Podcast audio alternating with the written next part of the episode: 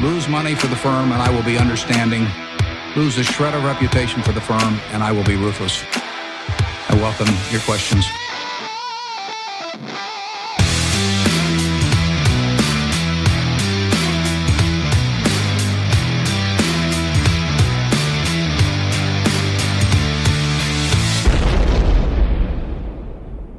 Välkomna till Kvalitetsaktiepodden. Det är jag som är Ola. Ja, och det är jag som är Klas. Det här är avsnitt nummer 76.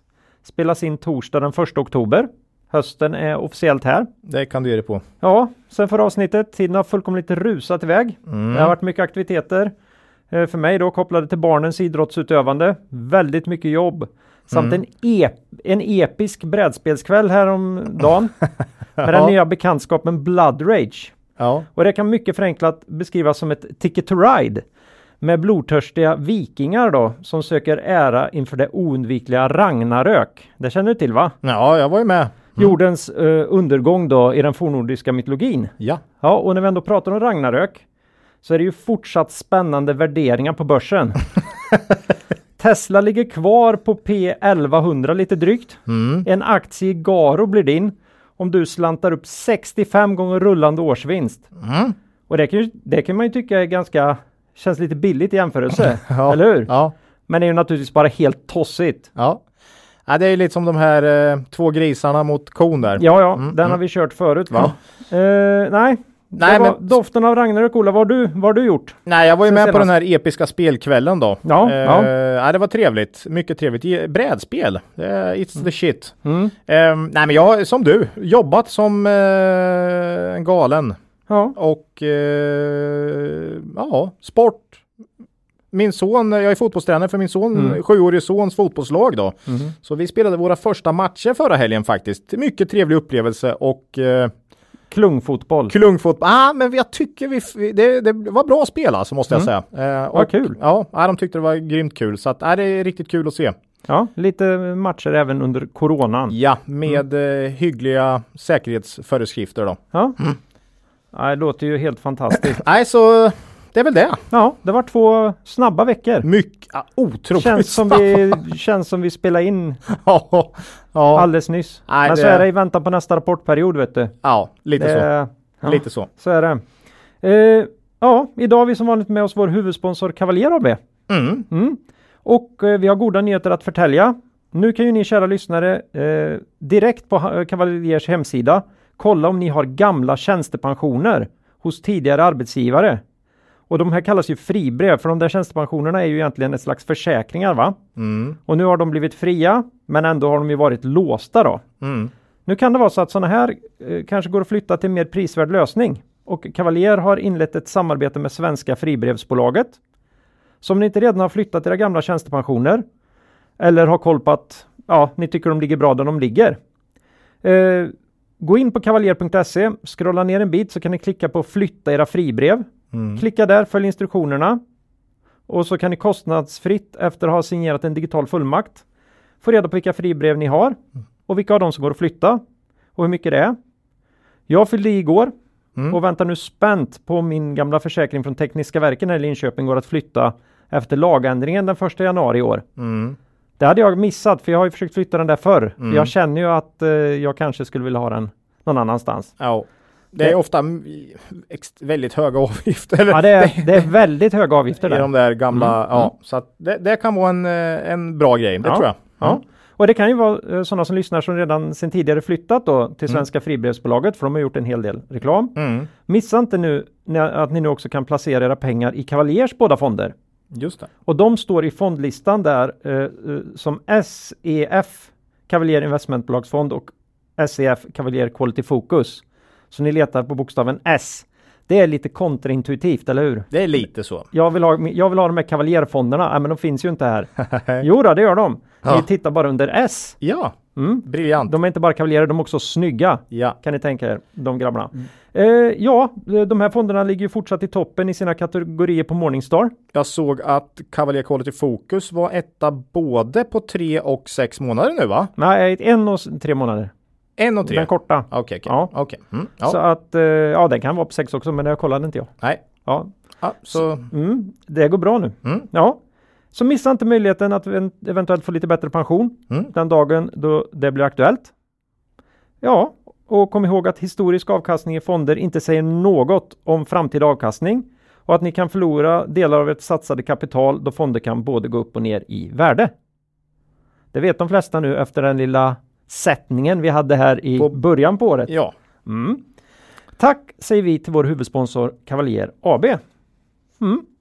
Börsdata då? Vi vill också som vanligt tacka eh, vår sam- samarbetspartner Börsdata. såklart. Värdeinvesterarens bästa vän. Ja.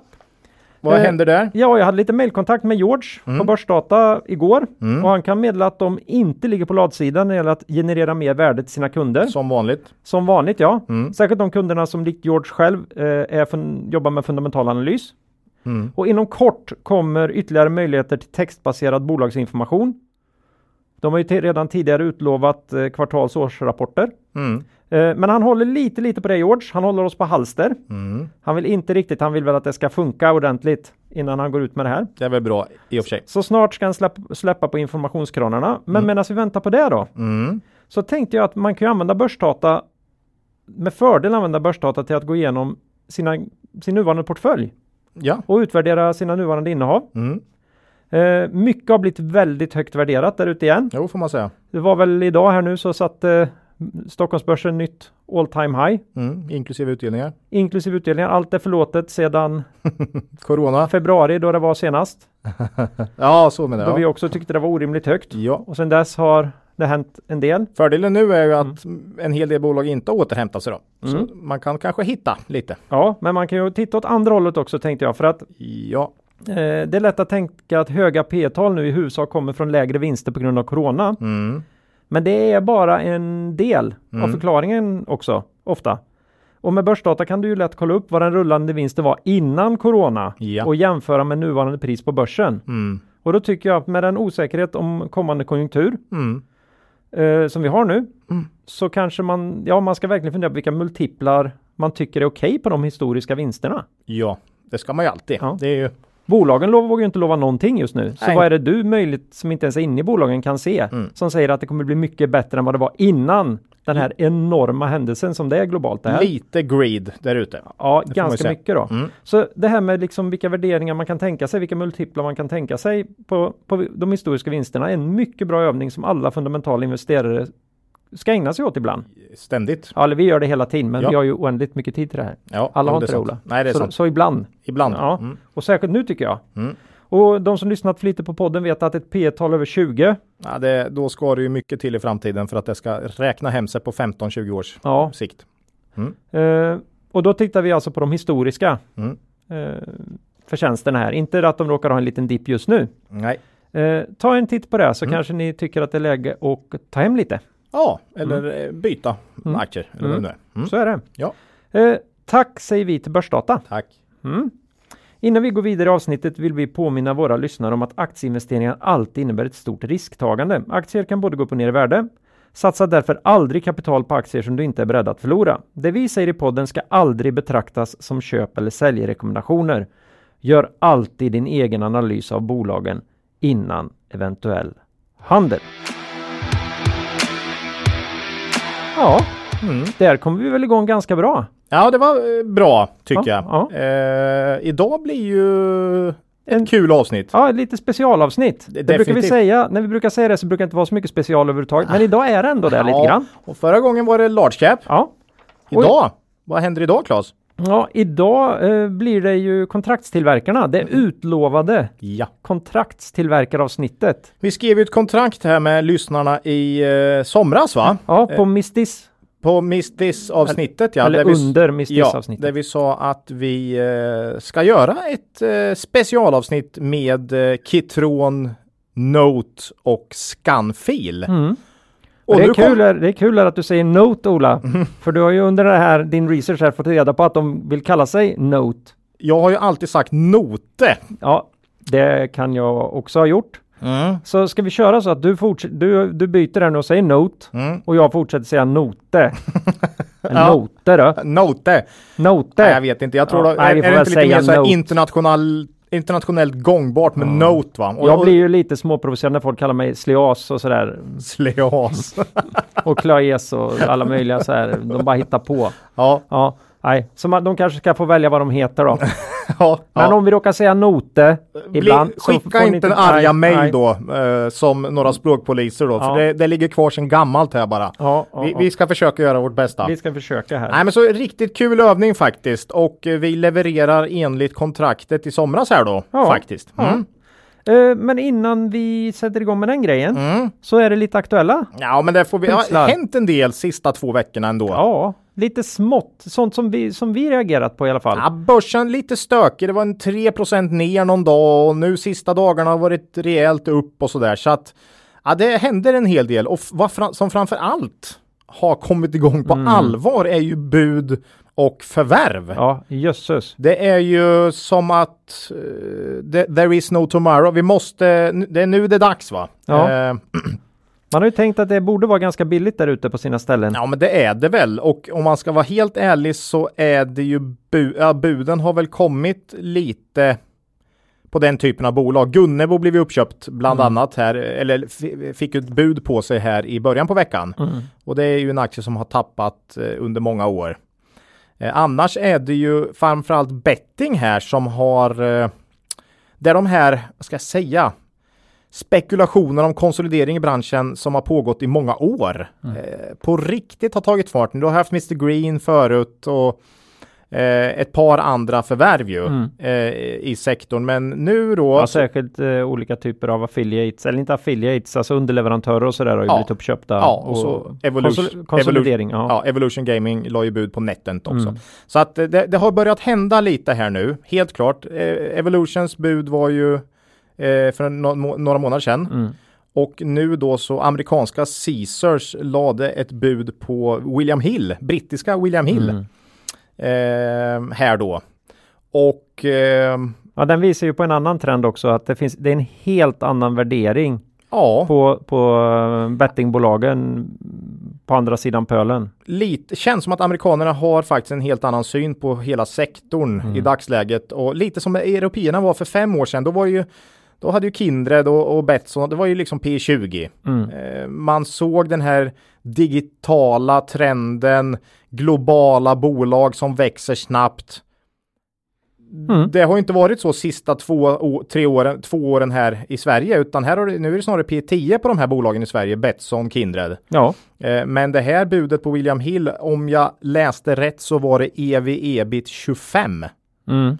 Eh, Så att det är ju något helt annat och eh, ja, jag, och det är ju lätt för dem att trycka upp, trycka Ja. upp lite aktier och ta in lite pengar och antingen betala med aktier eller mm. trycka upp lite aktier och få in lite cash och så köper man upp. Men bolagen i USA är ju värderade högre också Mm. så att det, det kommer väl bli någon form av utjämning här. Om amerikanerna ska ner eller om Mm. de europeiska bolagen ska upp, det vet men, men det, det, så här stor, jättestora värderingsskillnader brukar inte kunna finnas hur länge som helst. Eh, det är ju ändå, det här är ju globala spelare med, det är ju inte, Mm. det är ju digitala bolag och både kin, eh, framförallt Kindred växer ju snabbt i USA nu och, och så. Så ja, jag tycker det är intressant. Eh, dessutom kom ju, kom det fram här att Better Collective hade velat köpa Catena Media.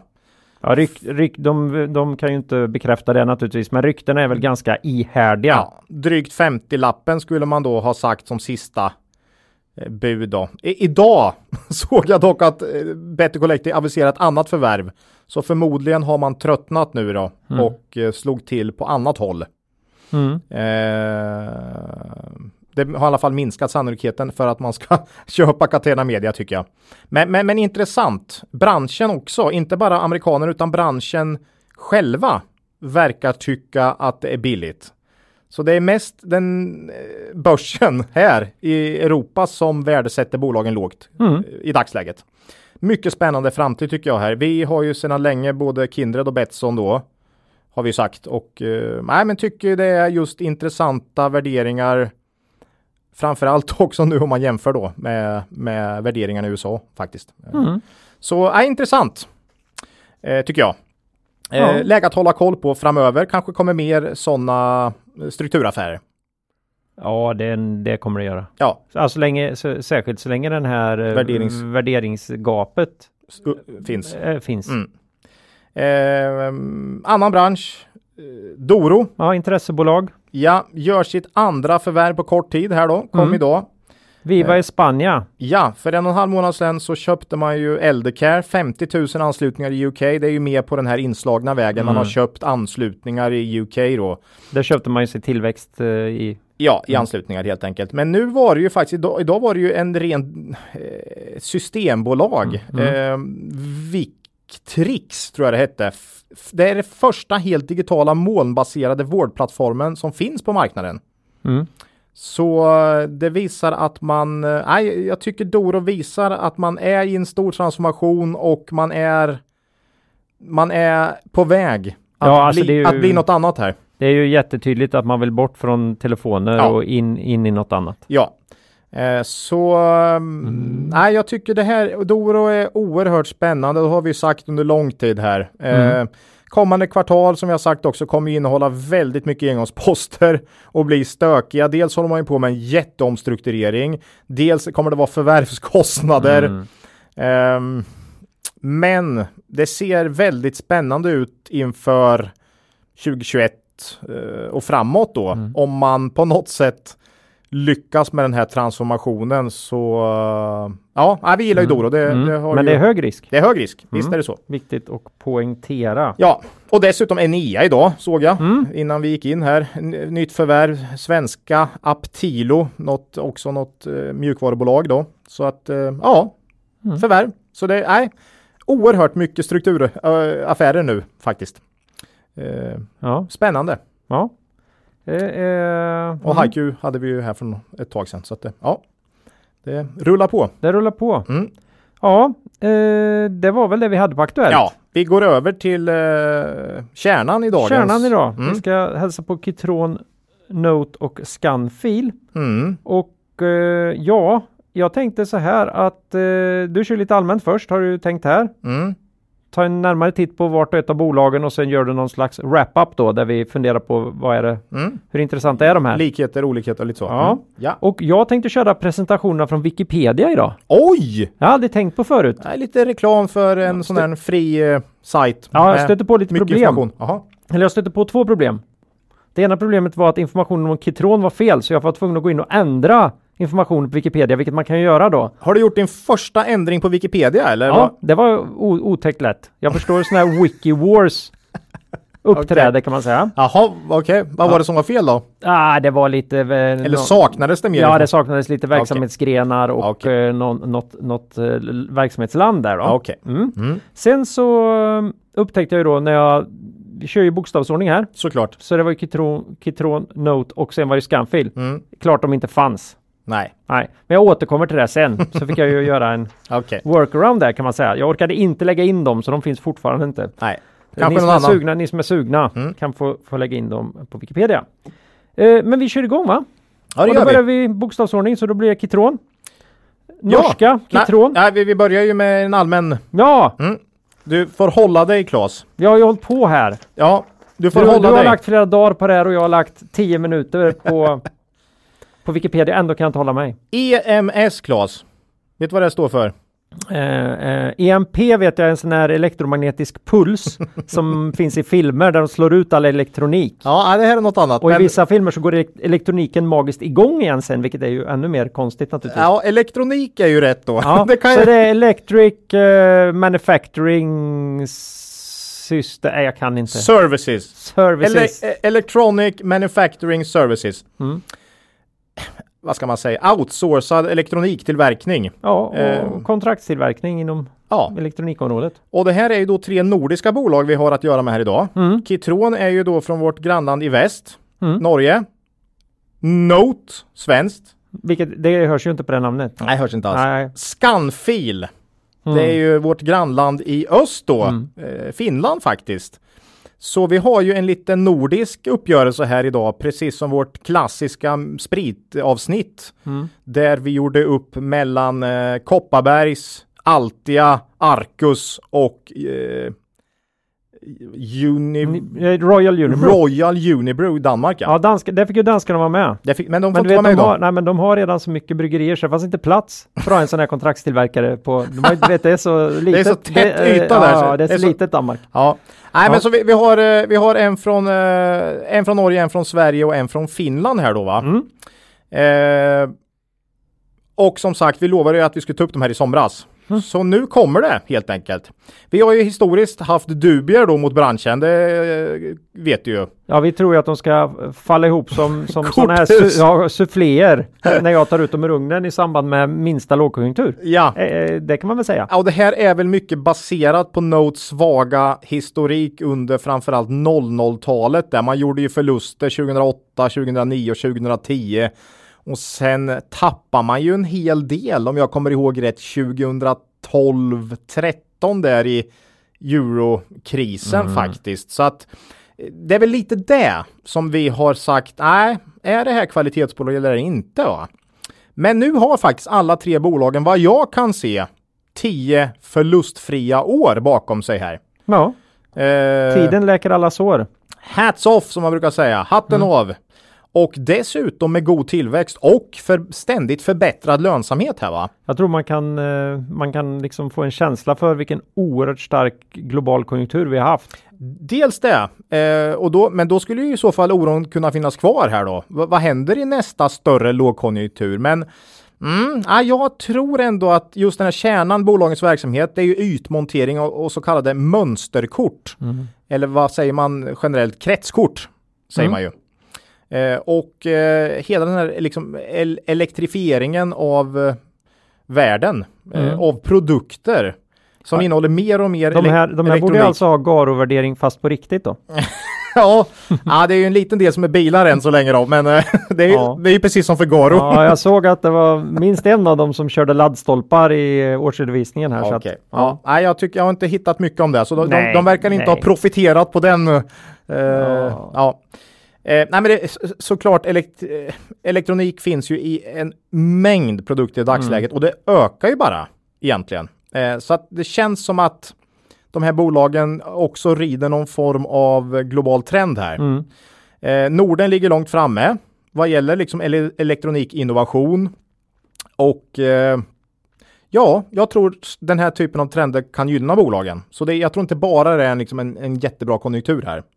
Utan det finns en global trend här. Mm. Ja, jag hade en jätteintressant diskussion med min äldsta dotter om det här häromdagen. De har läst programmering i skolan och så fick de massa, du vet, de här eh, betygskraven som är nu för tiden. Det räcker ju inte bara med du läser programmering. Nej. Nu kan du programmera så betygsätter vi det. Nej, vilken betydelse har det här för samhället i stort? Vilken betydelse har det haft och vilken betydelse kommer det att ha Jaha. för eh, både socialt och för miljön? Jag läser programmering för fan! Låt mig vara. Men Ja. det kan jag ju inte säga till henne Nej, nej, så att hon nej, ska nej. säga, utan hon måste ju börja tänka på det. Okej. Väldigt, hade vi en väldigt intressant diskussion där bara man kan ta ett enda exempel som händer eh, när vi går, nu är det rika länder vi pratar om här, jag inser att jag är svensk bias, Mm. men alla åkergräsklipp, eller alla självgående gräsklippare, Mm. vilken jäkla förändring! Mm. Jag kan säga att det finns aningen mer kretskort i dem än vad det finns i din gamla puttsti, eh, vad heter de? Stiga heter de inte, de heter, eh, jo det heter de va? Vilka? Ja, de här gamla gräsklipparna. Jaha, ja, ja, ja. Herregud. Nej, Nej, men det är ju något helt annat va? Ja, visst. Eh, visst. det är en helt annan värld och även, även när det kommer då till programmering och Ja, ja. eh, automatisering. Mm. Och påverkan på miljön, alldeles uppenbar, ganska lätt. Vad Mm. händer där? Mm. Men även socialt. Du frigör tid för folk att göra annat. Mm. Eh, men även arbetslivet. Mm. Det kommer ju mer och mer nu, parkerna i stan. Det blir mer och mer automatiserad gräsklippning. Ja. Det förändrar arbetsmarknaden. Ännu ett sånt här område då när man tar bort lätta arbeten. Mm. Där det ersätts då av en programmerad maskin med Mm. sådana här kretskort ifrån våra kontraktstillverkare här. Man kan... Så- och det här är ju ständigt pågående. Det här kommer vi bara se mer och mer. Mm. Eh, Kitron har ju, vet jag ju, har ett nära samarbete med Husqvarna till exempel. Eh, jag antar det att kommer det som en chock här. har med den typen av produkter Det, att göra. det som är otäckt är ju den här utvecklingen och den går över i automatiserade motorsågar. Men det, det tar vi det tar vi ett helt annat, Oh. ett helt annat avsnitt. Du och jag hade som en uppgift, kommer jag ihåg, på, Oh, ja, vi. på civilingenjörsutbildningen att vi skulle plocka isär en motorsåg och sätta ihop den igen va? Ja, vi skulle designa om en del. Ja, så var det kanske. Vi hade något slags eh, skydd Mm. för handen. Vi skulle se om vi kunde byta material. Ja, jag kommer inte ihåg hur det Just- gick. Men ja, det är jag, jag, skitkast. jag kommer däremot att vi, ihåg att vi var nere i Huskvarna och fick se på sån här proffs. Ja, när som han, eh, lekte med motorsåg ja. när han eh, fullkomligt skalade en, ett jätteträd från Ja, växande till småpinnar på ingen tid alls då. Mm. Nej, det var brutalt. ja. Det var Nej, roligt. nog om det. Det var inte Huskvarna. Ja, i och för sig. Det här, det här, var, det här var relevant, det måste Mm. jag säga. Eh, de, här slut, produk- de här bolagen, skulle jag säga, Mm. säljer ju inga slutprodukter. Nej. Utan det är ju så kallade kontraktstillverkare, business to business. De säljer ju till andra företag. Mm. Hjälper till i processen av andra företags produkter. Mm.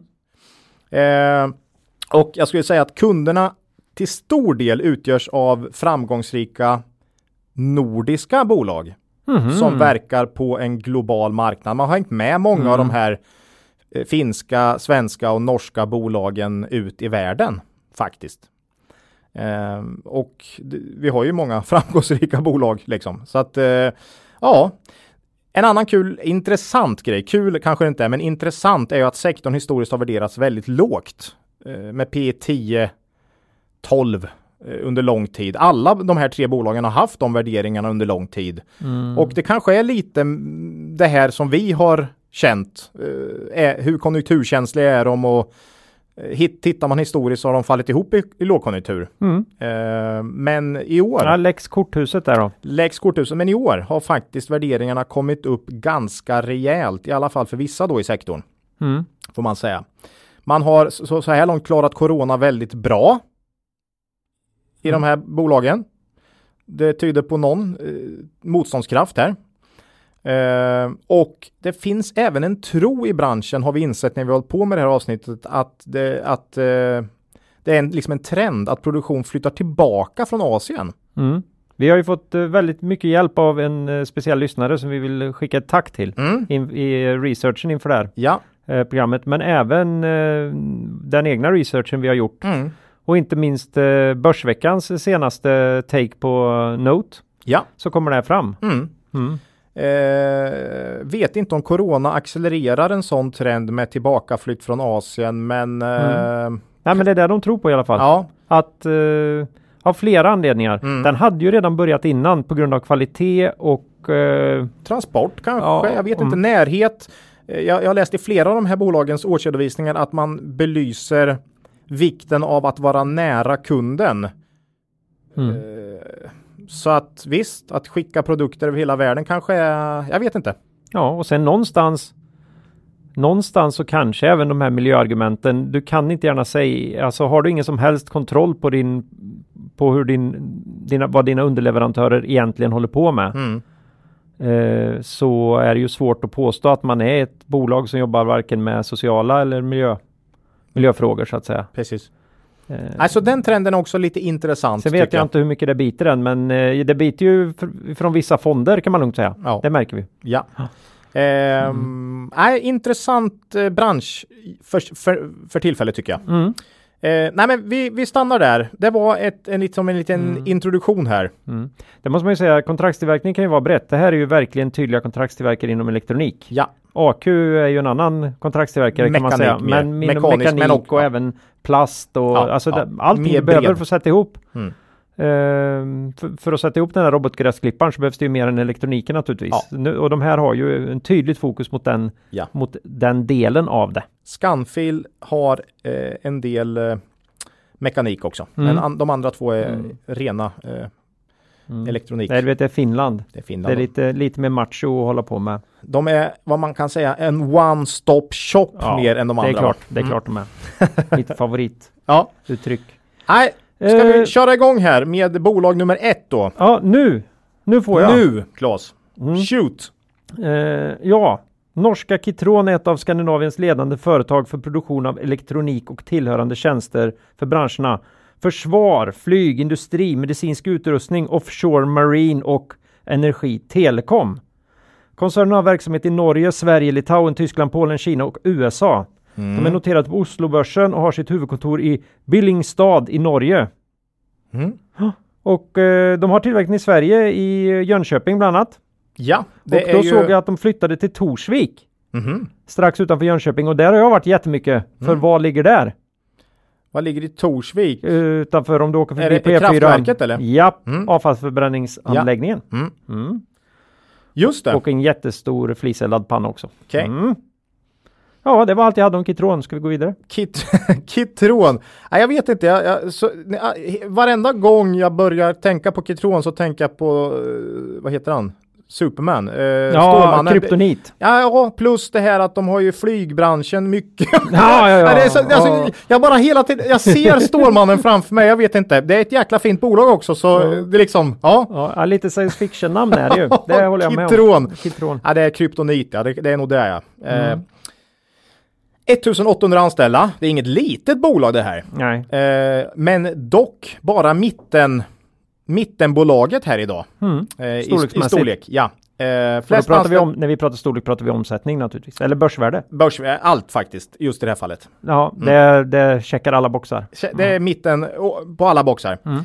Eh, flest anställda Litauen följt av Norge då och det här är ju en Ah, kan, ja, det, det är en trend. All, alla de här bolagen har ju dels eh, produktion i Norden men även i Baltikum, Mm. något kanske i Polen och Ki- Asien. Mm. Någon enhet i Asien har ju alla också så att de är väldigt lika Mm. uppbyggda här så att säga.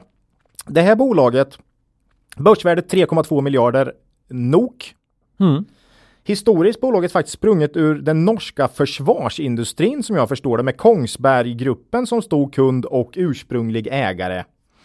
Eh, och jag tycker man ser, kollar man på Kitron så jag tycker de nästan känns som den vassaste kundlistan. Mhm. Eh, visst, 40% är ju industrikunder, men industrikunder, är som sagt Husqvarna är ju de, det är därför de finns i Jönköping bland annat. Mm. Eh, Såklart. Eh, 40% av omsättningen då industrikunder. Sedan jämnt skägg mellan försvar, medicinteknik, ungefär 25 vardera. Mm. Och försvar och medicinteknik, det är ju generellt sådana branscher som brukar karaktäriseras av ganska stabila intäkter. Ja, de brukar ju inte vara sådär jättekonjunkturkänsliga då. Nej. Eh, så alltså i de tre affärsområdena finns 90% av omsättningen. Mm. Exempel på kunder är förutom nämnda Kongsberggruppen då Saab, bland annat då, Getinge och Husqvarna. Mm. Mhm.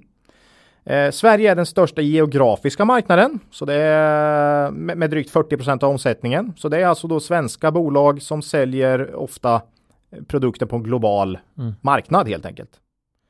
Eh, övriga 60% går till kunder i övriga Europa, USA och eh, Norge då.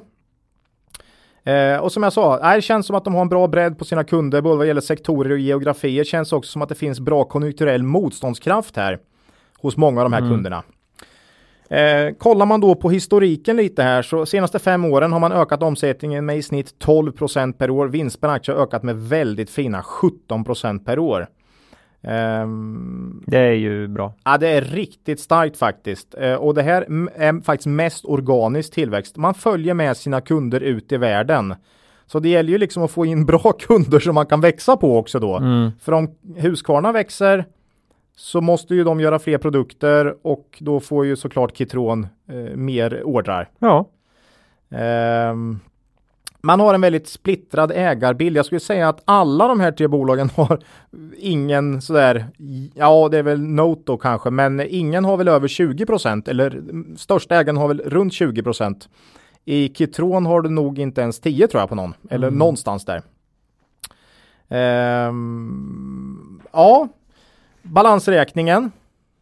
Kitron, Oh, det här har jag inte kommit till än, men... Eh... Svagast av de tre faktiskt. Eh, nettoskuld genom ebitda på 2,2. Alltså Ja. ingen, ingen fara men, men sämre än de andra två här. Mm. Som vi ska höra snart. Men det här är säkert bolag som kan få ganska bra snurr på de Pengarna. På de pengarna, så att det är nog helt okej. Ja, det är den klassikern. Du ska ju, du, du får ju ingen full hävstång om du inte har lite lån. Mm, nej. Eh, den här aktien har handlats till P12 under varje år mellan 2014 till 2019. Och sen händer något. I år, coronaåret 2020, har dock en rejäl uppvärdering kommit. Och aktien värderas nu till cirka P17 på bolagets egen outlook för i år.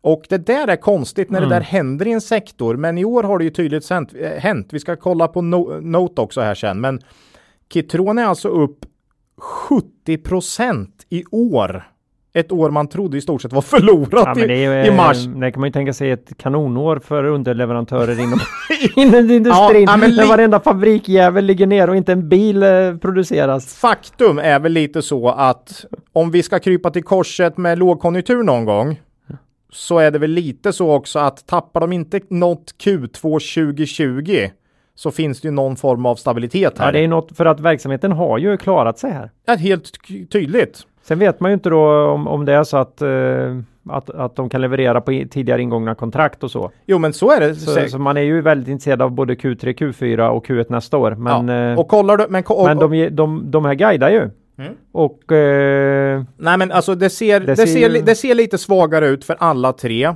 om du kollar hösten här nu. mm, men inte jätte. Men inte jättesvagt. Eh, Note kom ju med en eh, uppdatering här nu. 3% tillväxt istället för liksom 20. Mm. Okej. Eh, Kitron har väl eh, på deras outlook kanske 10% tillväxt under hösten. Scanfil lite minskad omsättning, men det är ingen genomklappning faktiskt. Mm. Eh, nej, men det, det synd ska man väl inte säga, men det är lite synd att man inte hade P12 här. Eh, då hade det varit en en no-brainer skulle jag säga. Men, men eh, kraftig uppvärdering i år då. Eh, och jag tycker den är rättmätig med tanke på historiken här. Mm. Jag tycker inte P17 är det konstiga. Jag tyckte P12 12 var var det, det konstiga. riktigt konstiga här. Samtidigt gick vi själva inte in eftersom vi förstod lite vad folk var rädda för. Ja, precis. Och vi var rädda för det. vi var genuint rädda för det. Eh, och det här har väl kommit mycket när folk har sett. Nu, har ju nu ser ju folk att det här är en av de branscher som har klarat sig bäst. Liksom. Eh, ja, som jag sa, hösten ser hygglig ut för Kitron om man levererar på sin outlook. Mm. Eh, ser väl ut att kanske bli en 10% tillväxt under hösten jämfört med förra året då. Eh, jag tycker Kitron känns som kvalitet Mm. Definitivt. Eh, margin of safety på en investering på den här nivån. Alltså, det, mm. Ja, det är lite jobbigt med den här 70-procentiga eller vad, ja, 70-procentiga uppgången här i år. Det, Mm. det känns som att det kan vara så att en stor del av uppgången har varit här nu. Eh, och motiverad sådan eh, förmodligen. Men eh, hittar väl ingen så här jätte margin of safety här på P17 helt enkelt. Eh, men, men, men, Om någon alls. om någon alls, nej. Utan jag tycker det känns hyggligt. Det, det kanske ska vara där då. Eh, Riktigt fint, välskött bolag. Underleverantör, inga egna produkter. Men, app, nej. Det, det är svårt att hitta, säga att det är liksom billigt. Det, det går inte. Men ett fint bolag, utan tvekan, känns som mest kvalitet nästan av de här tre. Eh, på, tycker jag. Eh, buy and hold Mm. brukar vi ofta säga på de här fina bolagen och eh, jag kan mycket väl tänka mig att det här har en bra framtid eh, under lång tid. Eh, kanske man kan köpa in det på nästa dipp.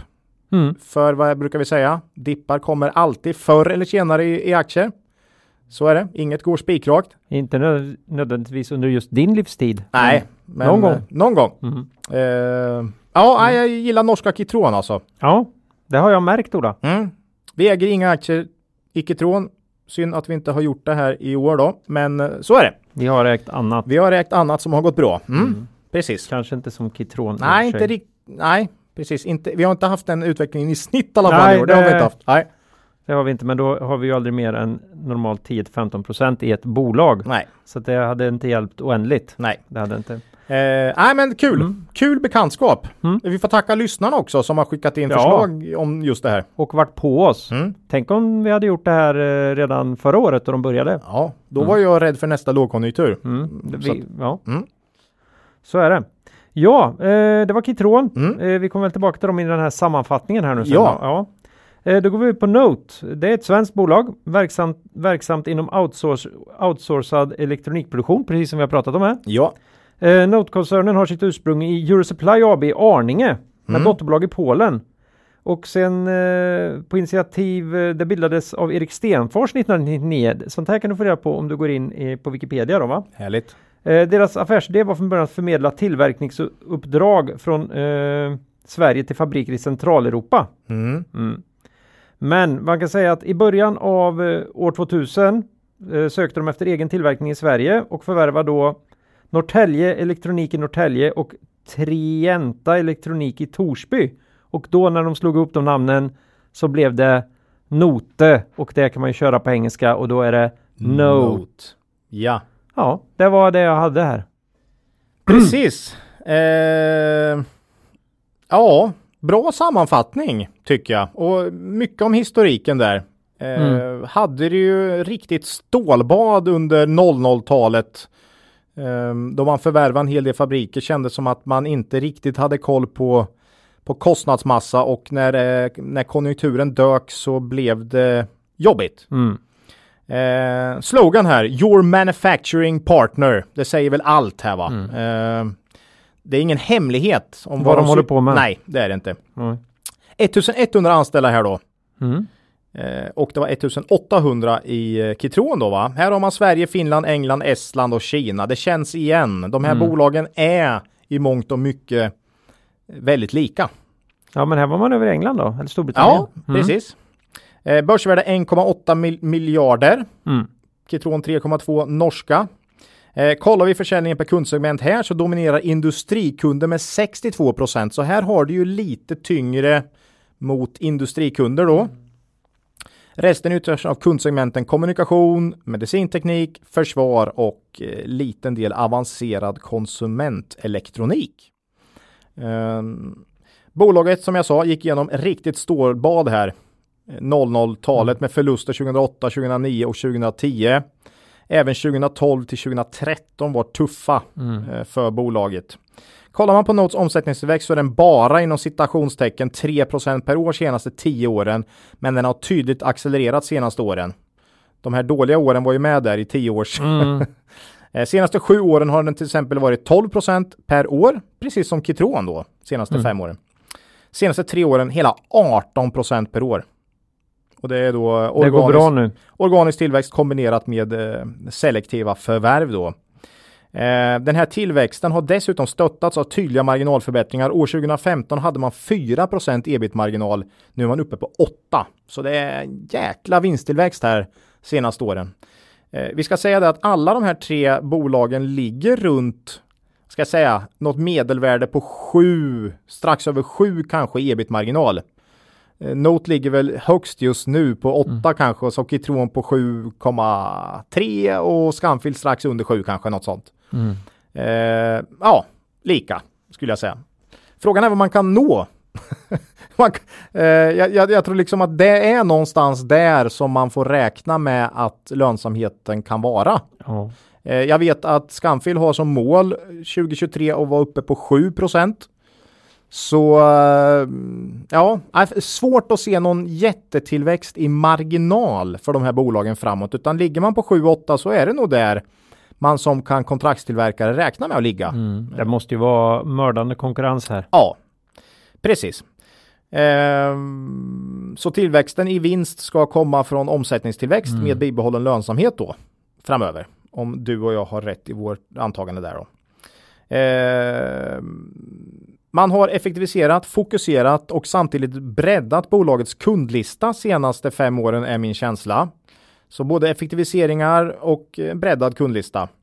Jag tycker Note har, eh, verkar ha en kompetent ledning numera och en engagerad styrelse. Lite kuriosa. Claes Mellgren från AQ. Jaha, jag trodde det var att det var en snubbe som heter Klas. Nej. Ah, okej. Nej, ja han heter Claes ja. Jag vet. Mm, mm. Mm. Från AQ. Äger ett par procent och sitter med i styrelsen faktiskt. Ehm, ja, Han jobbar uppenbarligen med kvalitetsbolag. Ja, hela den här effektiviseringstrenden och liksom ökat andel elektronikinnehåll i produkterna här bör, tycker jag, fortsätta kunna driva den här tillväxten som Note har då. Man har en stark balansräkning, klart starkare än Kitron. Man är i stort sett skuldfria här, så det är inte otänkbart att man kan stötta den här tillväxten med lite förvärv Mm. framöver. Eh, Börsveckan som du sa släppte ju en eh, analys av Note i söndags här.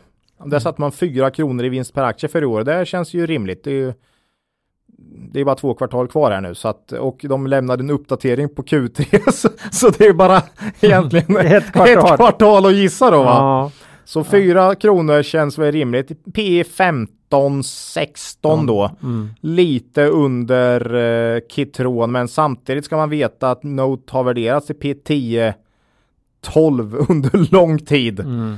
Eh, och Note är upp 60% i år och 115% på 12 månader. Så att eh, även här är det lite den här oh, har tåget gått? Det, det, är lite den känslan. Men jag tycker inte 15 är konstigt. Alltså, det här är, det är väldigt fint välskött bolag. Det är snarare 10-12 som var konstigt under så lång tid egentligen då. Ja, det är samma sak här då. Ja, det var, de hade, marknaden hade väl den synen vi hade, antar jag. Mm. Eh, men frågan är om liksom Ja, inte... Det är svårt att veta vad marknaden tänker.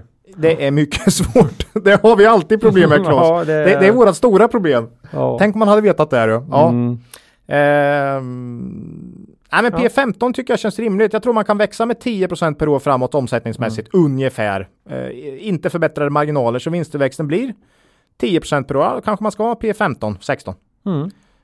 Ehm, som, ja, det är, den här kraftiga kursuppgången i år eh, gör ju att eh, en investering inte ser lika attraktiv ut i dagsläget som det skulle ha gjort om den hade stått kvar Mm. på samma nivå. Och P-tal på de här nivåerna, det kräver ju att de eh, har fortsatt tillväxt. Ja. På Ja, P10 det måste- är ju inte mycket krav på det utan eh, men, men nu, nu börjar det ändå bli lite. Mm. Så att nu gäller det att hålla i. Ja. Eh, Leverera på det här förtroendet de har fått från Mm. marknaden här nu då. Alltså, så Kitron och Note väldigt lika här med Mm. kraftig uppgång i år. Eh, de har också levererat väldigt fint här under våren, båda de här bolagen. Eh, så- Genom hela krisen corona här. så att man förstår att marknaden kanske oj, det här är, det här är nog finare än vad vi har trott va? Mm. Så jag tycker det är, inte, det är inte konstigt att aktierna har gått bra här i år, om jag ska vara helt ärlig. Mm. Och dessutom har det blivit lite eufori här på slutet också. Pengar ska in någonstans och sådär. Så att, ja. Ja, känns som de börjar bli lite ihopblandade med serieförvärvarna på något sätt. Ja, då har vi bra potential kvar Ja. för då är det P25 då. Ja, jag vet, men det, är- Ja. det är ju så galet så det är Ja. löjligt. Eh, ja. nej men vi stannar där. Ja. Vi, vi måste, det, det är, vi Vi har, inte, ju, vi har ju ett bolag kvar. Ja, och det är ju Vi blickar mot öst. Finlands stolthet här då. Ja, som saknar eh, Wikipedia-länk. Aj, aj, aj. Och, det, Scanfil. och de är ändå störst av de här Mm. bolagen. Det är, det är typiskt. Men det går att hitta dem på Wikipedia Mhm. via kopplingen till Partnertech. Ja! Som i sin tur då kom ur spillrorna av företagslegenden Facit. I Från oss, Åtvidaberg. japp, och Ja. Snällingen Åtvidaberg. Mm. Eh, Scanfil förvärvade Partnertech 2015, Mm. så det är ju ganska nytt. Mm.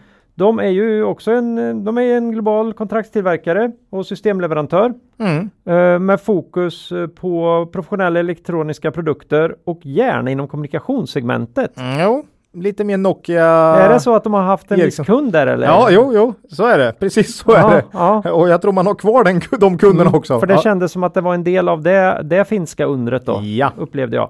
Det var, det var vad jag hade och så fick jag in Åtvidaberg då. Snyggt. Och facit. Snyggt. Lite nöjd. Åtvidaberg. Jag har ju en eh, facitklocka det vet du va? Du har ju Berkshire och jag har Facit. facit. det är ungefär samma typ av bolag. Facit, det är lite som Berkshire, alltså innan det blev investmentbolag, det här gamla klä, d- textil. Berkshire, ja. Ja. Eh, Så är det. Här har du 351 miljoner euro i börsvärde, 3,6 miljarder SEK ungefär då. Så störst Mm. 3500 anställda. Det är ju jättestort. Eh, så nästan dubbelt mot Kitron då. Mm. Tillverkningsenheter Finland, Sverige, Tyskland, Estland, Polen och Kina.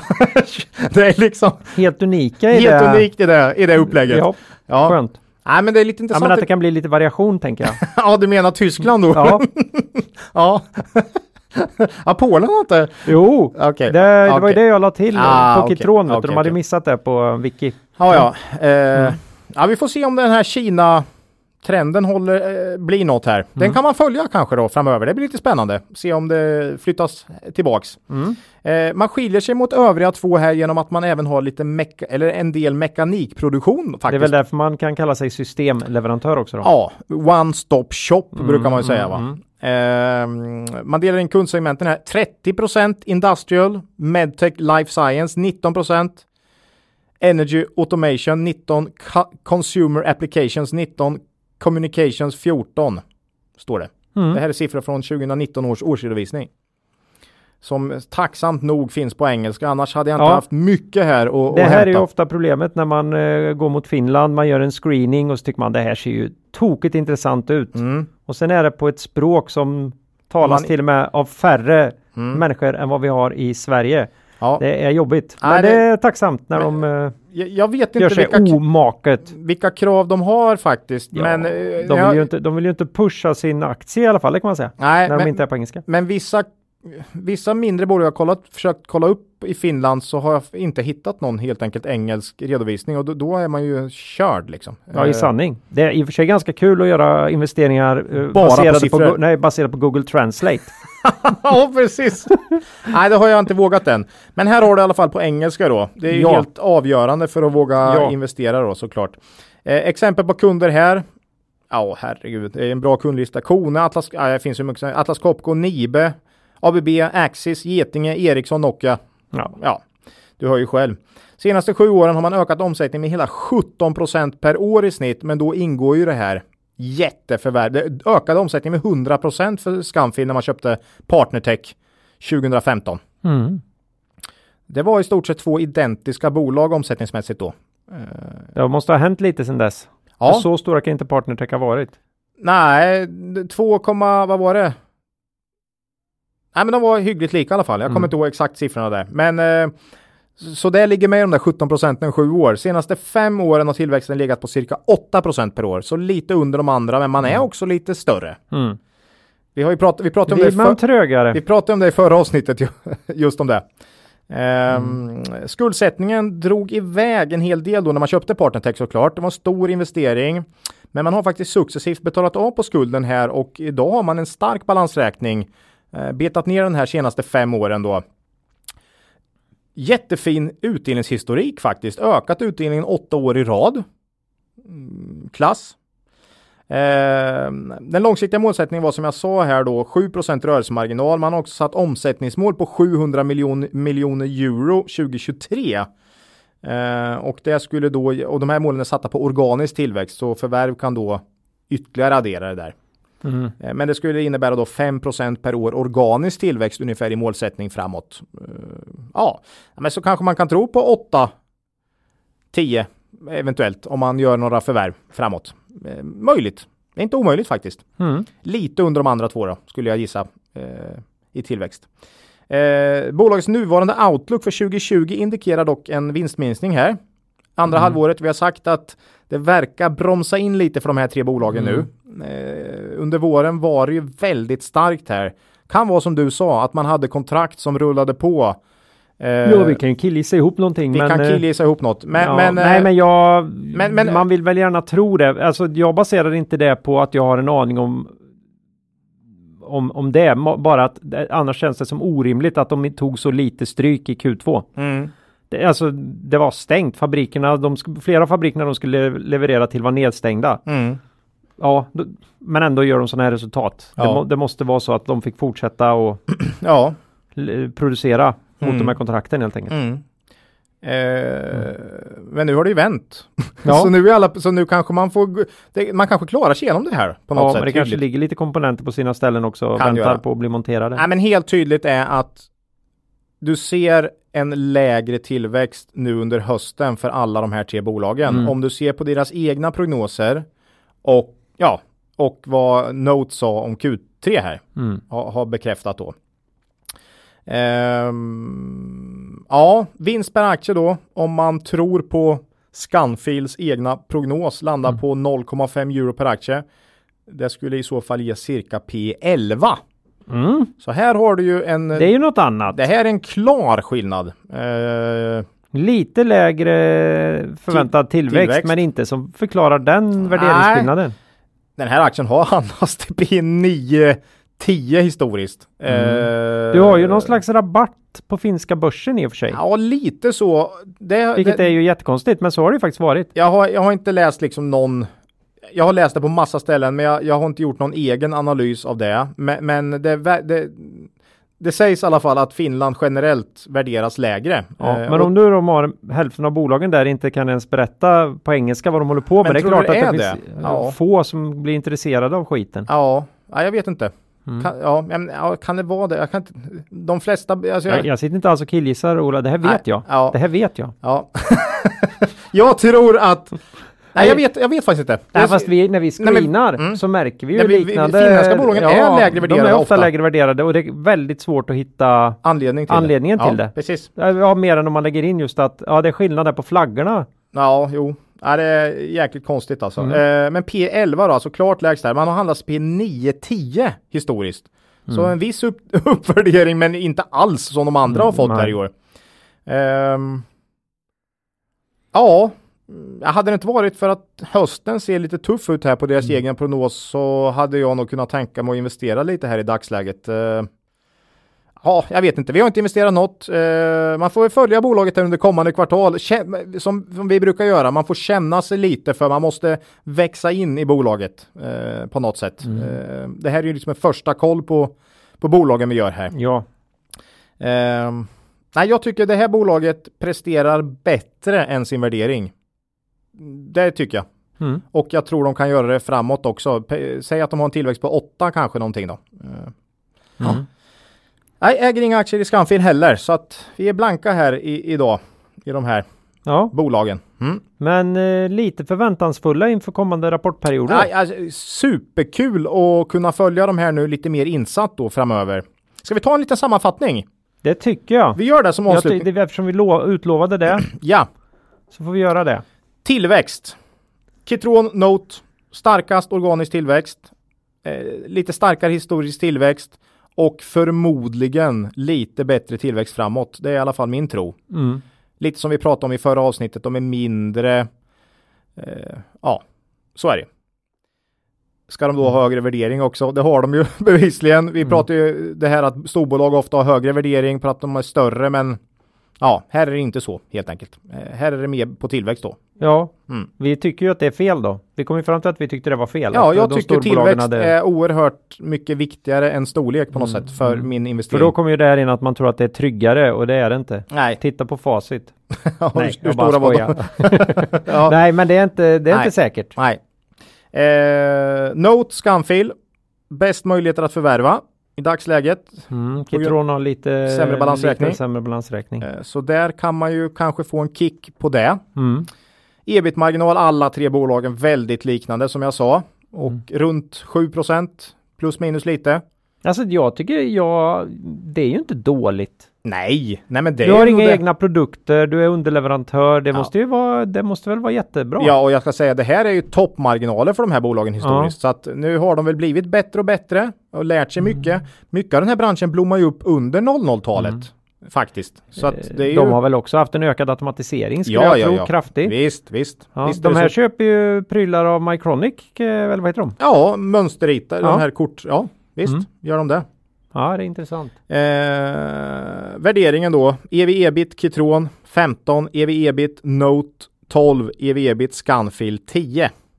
Och jag tycker faktiskt den eh, trappan ska se ut så. Inte just värderingsmässigt, men jag tycker Kitron känns som det bästa bolaget. Ja, de, Eh, de förtjänar att få vara lite dyrare. De förtjänar att vara lite dyrare. Note ska ha en mittenvärdering och Scanfil ska nog vara lägst värderat. Om Mm. jag skulle vilja kolla på dem bara sådär rakt upp och ner ba- baserat på kunder, historik Mm. och potential i tillväxt framåt. Ehm. Ja, så där, där tycker vi att börsen har rätt i den. Mm. Eh, i det då va. Ehm, om vi väger in värderingen så tycker jag nog dock att Scanfil känns mest intressant faktiskt. För det är så pass, så pass mycket lägre ändå i värderingen de andra.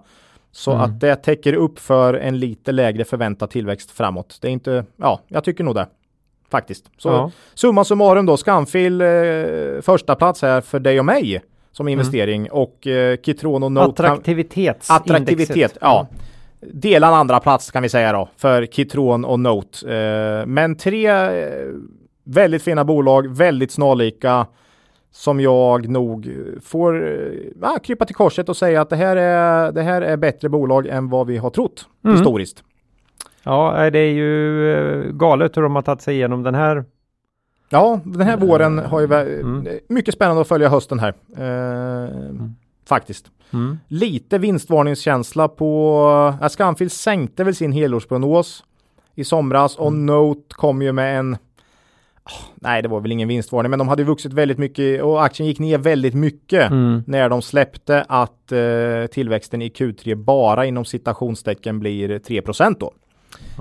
Ja, backar de 10 procent? Ja, jag tror det var nästan 10 ändå. Nej, inte riktigt kanske, men 8. Ja. Något sånt. Ja. Men det är ju så när man har, när man har blåst iväg så så. ja. Marknaden det- förväntar sig nog mer ja. tillväxt där. Mm. Alla de här tre bolagen tror jag i dagsläget kan vara bra långsiktiga investeringar. De är så pass små, nedre delen av midcap. Mm. Som ja, jag tror, eh, eh, vad heter det, Note är väl är ju på small cap än så länge. De har ju liksom inte hunnit flytta upp än. Eh, men de är ju börsmässigt. Eh, Nej, det är ju ett område. Eh, vad ska jag säga? Ett område. Ja, omsättning. Ja, jag tycker omsättningarna är viktigare i och för sig. Börsvärden kan Mm. baseras på vad som helst, men Ja, det är, en, det är en storlek på bolag som är oerhört intressanta. Ja. De är stora nog för att kunna göra allt som stora bolag gör i stort Mm. sett. Men Mm. de är små nog för att kunna hitta hur mycket marknad som helst. mm. Och Om Note, det bara Mm. rullar på. vad jag känner på Note är att de inte riktigt har kommit ut på samma storlek i kunder och eh, rört sig utåt på riktigt samma sätt som Kitron och Scanfil har gjort. De har hunnit Mm. lite längre men det är typ halva storleken nu.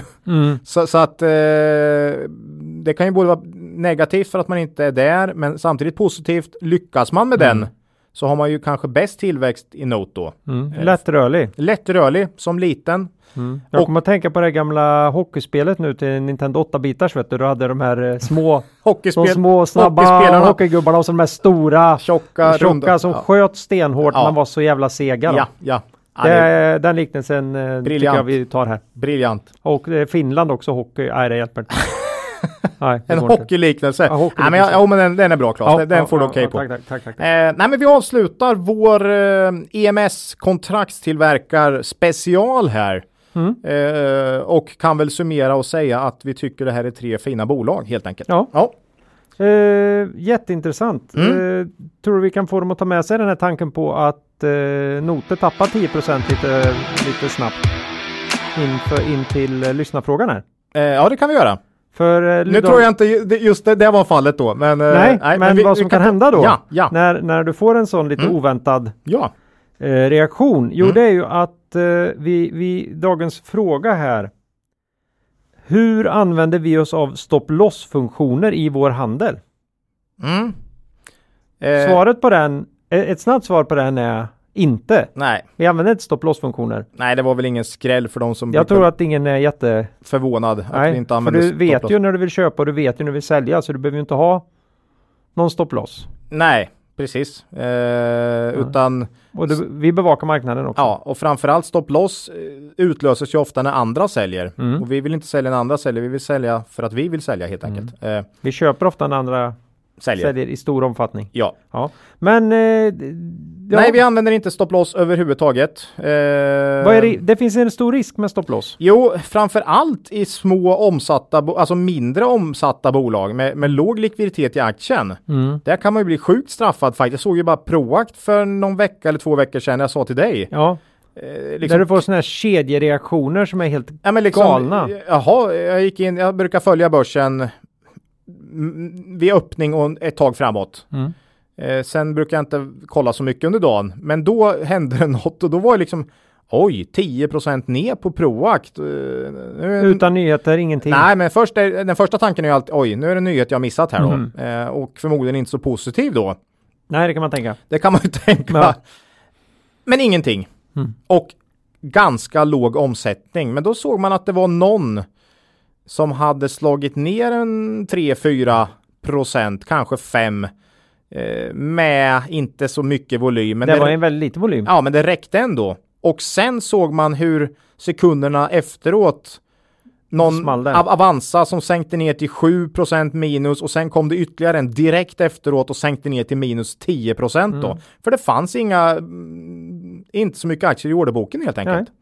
Och sen efter några timmar så återhämtade sig här helt och hållet. Ja. Ja, inte på något, det gick Helt fort. plötsligt, du, Ja. du sitter och jobbar, Mm. och är, på, är på några möten. Mm, och sen kommer du tillbaka och Kommer ser du att du har och helt sålt plötsligt har du sålt Proact 10 så att ner. under nuvarande kurs. Ja, Och då undrar du kanske varför Varför gjorde jag det? Ja, det gjorde ju inte han utan det var Jo, ju det gjorde man man satte den korkade stopplossen. När du satte stopplossen. Nej, vi, vi, vi gillar ju inte alls stopplosser. Jag Mm. förstår om man håller på med någon typ av daytrading att det säkert kan vara bra, men som värdeinvesterare, nej.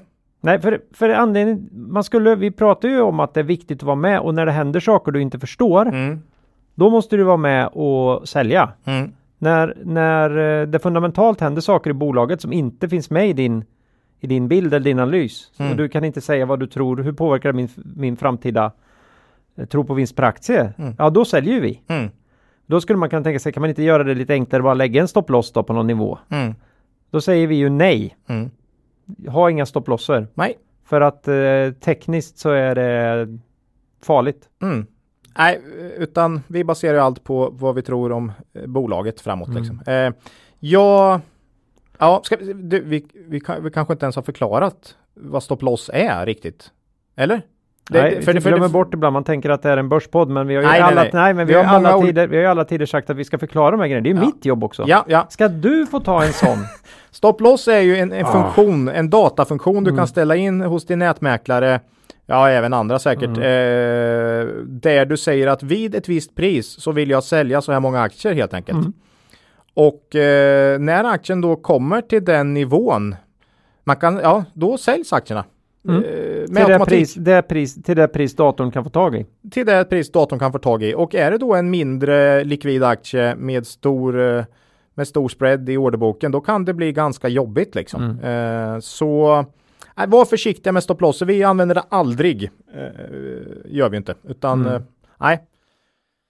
Nej men Inget det är vila. väl, eh, den som ställt frågan tänker väl sig att man skulle kunna ha det som någon försäkring mot oväntade händelser i bolagen. Men Ja. risken är att du har en helt sund, risken står för att du har en helt sund investering i Proact och när du kommer tillbaka efter morgonmötet så har du plötsligt sålt den 10 10% under. ner. Mm, nej, det är ju, så det blir inget för oss. Mm. Vadå plus att de stora nyheterna kommer ju ofta på morgonen. Ja, ja. Så att då är det mer, ner 20% ändå när Mm. börsen öppnar. Eh, nej, Nej. Sprid, Men- men- minska men- risken eh, för att, bli squeezad och sitta fast i bolag där det händer konstigheter genom att aldrig ha mer än 10% av dina, ditt kapital i ett. ja och följ bolagen. Ja, Mm. jo, men Mm. om man nu inte har den tiden vi nej, har, Nej. så sprid ut. Mm. Sprid alltid ut. Jag kan förstå om stop loss eh, kan vara användbart för daytraders och sådär. möjligtvis. Ja, ja, självklart. Det, de håller ju på med något Mm. Och helt i annat. likvida aktier. Ja, Mm. Så då får ni lyssna, eh, skicka frågor till andra poddar Mm. om ni vill veta hur man använder det. Ja. Då. precis. Ja. Eh, ska vi ta och köra ett litet citat? Ja, Idag är det ett brutalt citat. Det här är brutal visdom från Joel Greenblatt. Joel Greenblatt. Ja, det, författaren The Little Book That Beats the Market. Ja, Legendarisk värdeinvesterare ja, och hedgefondförvaltare. ja, ja, det är ju många som har just den. Värdeinvesterare, hedgefondförvaltare och citatmaskin. Det är Peter Lynch och eh, det är, det är många, det är massa av de här som, som har det. Fan, om vi får leva till 60, ska vi, ta, ska vi starta en hedgefond då eller? Va? Va? Och sen börja mata ut citat då. ja, och Ja. sen bara matar vi. Och så skriva en liten bok också. Ja, Ja. Om, om, om det här. Ja. Ja. Eh, nej, Shoot! ja. Han har sagt så här på engelska då. Mm. Mm. Choosing individual stocks without any idea of what you are looking for. It's like running through a dynamite factory with a burning match. You may live, but you're still an idiot. Nej, han är hård alltså. Kan du översätta det där Claes? Eh, att, att välja ut individuella aktier utan att veta varför du köper dem egentligen, Mm. eller vad du är på jakt efter. Mm. Det är som att springa genom en dynamitfabrik med en brinnande tändsticka. Du kan överleva, men du är fortfarande en idiot. Åh herregud. Ja. Ja. Eh, och det är ju det många gör när man handlar Tesla. Nej, då tror de ju på någon form av elektrifiering av... Du, det, där är en, det är riktigt stora dynamitkubar i den, i den dynamitfabriken Ja. nu. Men Nej, det men- kan gå bra. Det kan gå bra. Var de, ja, var de väger, alltså det är ju just det här att du måste veta vad du har köpt och till vilket pris och varför och så vidare. Du måste ju ha gjort den, annars är det ju, Då kan du ju köpa riktiga miner. ja, det är precis så. Så att, eh, ja den där gillar ju vi. Den här ska upp på väggen. Den ska fanken upp på väggen den där. Ja. Inte för att vi tycker andra är idioter men, eh, Därför nej. att den var rolig. Den var Och rolig. lite tillspetsad. Ja. Mm. Eh, nej men den där såklart, det, det är väl ungefär som frågan om stop loss. Den var ganska, ganska given för lyssnarna innan att den här skulle vad, svaret på den där skulle bli va? Ja, Ja, ja. Nej, vi, vi väljer ju bara citaten för som vi, som vi gillar som såklart. vi gillar, som passar oss. Ja. Eh, Folk som har sagt annat, de tycker vi inte om. Joel Greenblatt. Nej, men Joel Greenblatt har ju sagt en hel del grejer om Focus Investing till Ja, ja, exempel. ja, ja, ja. Det är ju inte en, eh, kanske skulle ta ett av dem. Mm. Så att det blev lite, nu var ju våran idé från början att vi skulle använda de här eh, citaten till att hamra in vårt, våran filosofi. Mm. Men kanske ska göra något litet avsteg någon gång och ta ett annat Greenblatt-citat som går helt emot Vad vi brukar prata om. vad vi brukar prata om. Mhm. Mm. Han har ju ett fantastiskt citat om eh, alla ägg i samma korg till exempel som vi skulle kunna. Ja. Fundera, vi funderar på det. Ja. Kanske blir något specialavsnitt. Mm. Ja, eh, vi närmar oss målsnöret igen. Ja. Eh, nästa avsnitt släpper vi redan på morgonen, torsdag den 15 oktober. För Då- att vi kommer spela in på onsdagen. Ja, och då har ju inte rapportperioden riktigt hunnit komma Nej, igång. Men vi har nog tänkt oss försöka få till några bolagsanalyser. Mm. Som. Upp, som uppvärmning inför rapportsäsongen, men det kan nog bli bolag vi har pratat om tidigare då. Definitivt. Och du har lovat ett bolag med Claes. Ska vi våga sticka ut hakan så långt? Nej. Jo, Jo, jo, vi säger det. Du ska komma med ett bolag. Mm. Eh, sen ska jag fylla på med några. Mm. Mm. Ja, det blir spännande. Ja. Mm.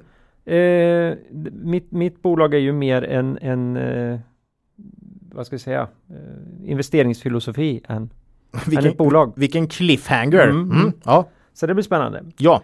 Eh, ja, eh, mejla oss gärna på kontaktet kvalitetsaktiepodden.se. Ni kan Mm. kommentera på Twitter Mm. eller på vår hemsida kvalitetsaktiepodden.se. Mm. Eh, ja, någon riktig makro eller TA värt att ta upp idag Ola? Nej. Eh, nej. Franska öppna är igång. Det, det är det enda jag bryr mig om just nu. Faktiskt. Ja. Mm. Med, med publik på läktarna. Typ liksom var... t- t- 200 pers på en, eh, på en arena som tar 10 000. ja, ja, ja. ja. Men jag har en grej. Ah, shoot. Ja, Mm. eftersom jag nu släppt alla andra börspoddar och bara lyssnar på Flashback Forever. Du är helt trasig. Ja, Mm. så kunde jag inte låta bli att söka där på Kvalitetsaktiepodden. Har du gjort det, Ola? Nej, det har jag inte gjort. Ja, jag, har inte, var- jag har inte ens googlat kvalitetsaktiepodden så jag vet inte. Nej, nej, inte jag heller egentligen. nej, nej. Eh, så jag sökte på Flashback på Kvalitetsaktiepodden. Det får nästan räknas till makroanalys i vår värld. Ja, Eller någon träff? Nej. ah, jag visste inte riktigt vad jag förväntade mig, Mm. men jag blev ändå förvånad över vad jag hittade. Mhm. Eh, och då har ju inte du gjort det innan. Nej. Så då skulle vi kunna eh, tänka, tänka sig här att vi gör en liten lek. Mm. Så jag sökte då och fick eh, sex stycken träffar. Nej. Jo. Och samtliga då i underforumet ekonomi, värdepapper, valutor och råvaror allmänt. Man är ändå glad att man, att man hamnar i den, i, Ja. i det undergruppen och inte något, Ja, något och jag fick väl några träffar var väl i samma här då sen, Mm, I, sa, i samma tråd. Mm. Och jag tänkte att du skulle få gissa Ola här nu, om jag läser Oj. upp sex trådar. Mm. Eh, vi förekommer i fyra av de här sex trådarna. Mm. Alltså två stycken är existerande Flashback-trådar. Okej. Eh, men där är vi inte med. Så då ska vi se då. Eh, jag vet inte hur vi ska göra om jag ska läsa upp alla sex eller om... Eh, och, och sen får du gissa. Jag gör det va? Mm. Nummer ett här då. Mm. Då är tråden. Vilken podd lyssnar ni på varje dag? Kom ihåg nu att alla de är alltså under ekonomi, värdepapper och så vidare va? Mm. Mm. Så där är du redan och sen Mm. får, så är det någon som har startat tråden. Vilken podd lyssnar ni på varje dag? Mm. Tråd 2. Vilken tror du blir nästa Tesla Fingerprint Power Cell-aktie 2020? Mm. 3. Scandinavian Airport and Road System Sarsys. Ja. 4. Ja. Nybörjarfrågor. Oj. En permanent eh, tråd Mhm. för alla Ja. som vill veta mer om hur man börjar med aktier. Mm. Femman. Mm. Att belåna sig för att investera efter en börskrasch från den 18 mars i år. Okej, ja, ja, ja, Och ja. sist ut. Blir alla poddar sämre? Okej, vi, vi figurerar i hur många? Fyra av de här. Jag, ska, jag kan ta bort två här alltså. Ja. Va, vilken var vad heter den första? Vilken podd lyssnar ni på varje dag? Ja, den tror jag inte vi är med i. Ah, fel. Fanken. Och sen den andra med Tesla är vi inte med i. Vi kommer ju inte ut varje dag. Nej, det var Nej. så jag tänkte. Nej, men eh, det skiter de i den utan Okej, okej. det roligaste är snubben som börjar tipsa om ja, jag tycker Creepy-podden är bra och sen lyssnar man. Nej, men jag tror inte vi är med i Tesla-tråden här. Det är vi ju inte och det borde vi ju vara. För att som varning där. Ja, ja, men det är vi Jaha, så det verkligen. är en till vi inte är med. Sarsys måste vi vara med Ja, i. den är vi verkligen med i. Eh, vi måste vara med i den här på fiske i börsdjupet från 18 mars va? Eh, Nej. Nej. Jag det är inte med att belåna sig för att investera efter en börskrasch. Från för, den det, 18 för där pratar ju väldigt mycket om att du inte ska belöna. Okej, Ja, synd. nej, Den hade man gärna velat Men vi är med i nybörjarfrågor. Det är som bra. ett tips Nej, den vart man jag. kan gå. Mm. Tidiga kvalitetspodden-avsnitt om Ja. man vill veta vad man ska titta Den på. kändes bra. Mm. Och i Blir alla poddar sämre Va? eh, så är det en användare vars eh, användarnamn jag har lyckats uppenbarligen kopiera över här när Okej. jag kopierade in en av de roliga då. Ja, Eh, så jag ber om ursäkt till det. Han Mm. hette Petronius eller något sånt där. okej. Eh, har försvarat oss två gånger och försökt få igång, få igång någonting om att ja, men kvalitetsaktie är ju ganska bra. De Det inte, avslutar också hela tråden någon gång 2018. att, vi in, att vi inte har blivit sämre eller vadå? Nej, och att, att det finns alternativ. Ja, okej, okej. Men får inte någon respons nej. på det överhuvudtaget. aj, aj, aj, aj. Så att eh, så är himla stor närvaro har vi inte där kan man säga. Nej, men det var ja, kul. Mm. Mm, ja, Då vet jag. det var det. Mm. Eh, innehav. Ja, vi ägde ju inget av de här tre vi pratade om, men vi pratade lite Kindred, och Betsson i början Mm. och vi pratade Doro har jag i mitt pensionsspar.